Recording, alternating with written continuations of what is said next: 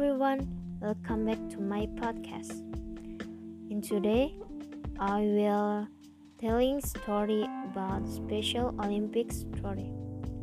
A few years ago, at the Seattle Special Olympics, nine contestants, all physically or mentally disabled, assembled at the starting line for the 100-yard dash.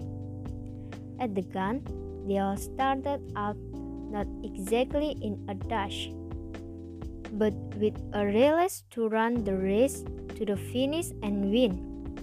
All that is, except one boy who stumbled on the asphalt, tumbled over a couple of times and began to cry. The other egg hurt the boy. They slowed down and looked back. They all turned around and went back. Every one of them. One girl with Down syndrome bent down and kissed him and said, This will make it better. All nine linked arms and walked across the finish line together. Everyone in the stadium stood, and the cheering went on for several minutes. People who were there are still telling the story. Why? Because deep down we know one thing what matters most in this life is more than winning for ourselves.